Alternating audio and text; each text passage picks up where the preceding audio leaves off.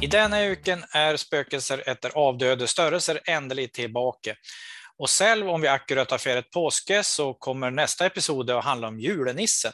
Där är det jag, Niklas Larsson, som samtalar med Martin Nordskog om vår mye skumtomtar eller skumnisser som man spiser i Sverige på ett år. Eller mer nöje, vår många skumtomter som en fabrik i Sverige producerar på ett år.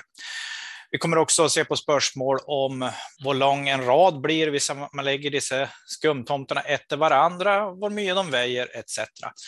Dere får svar på dessa spørsmålene hvis dere blir med på episoden som blir publisert på torsdag. Det är den 14. episoden av Spøkelse etter avdøde størrelser.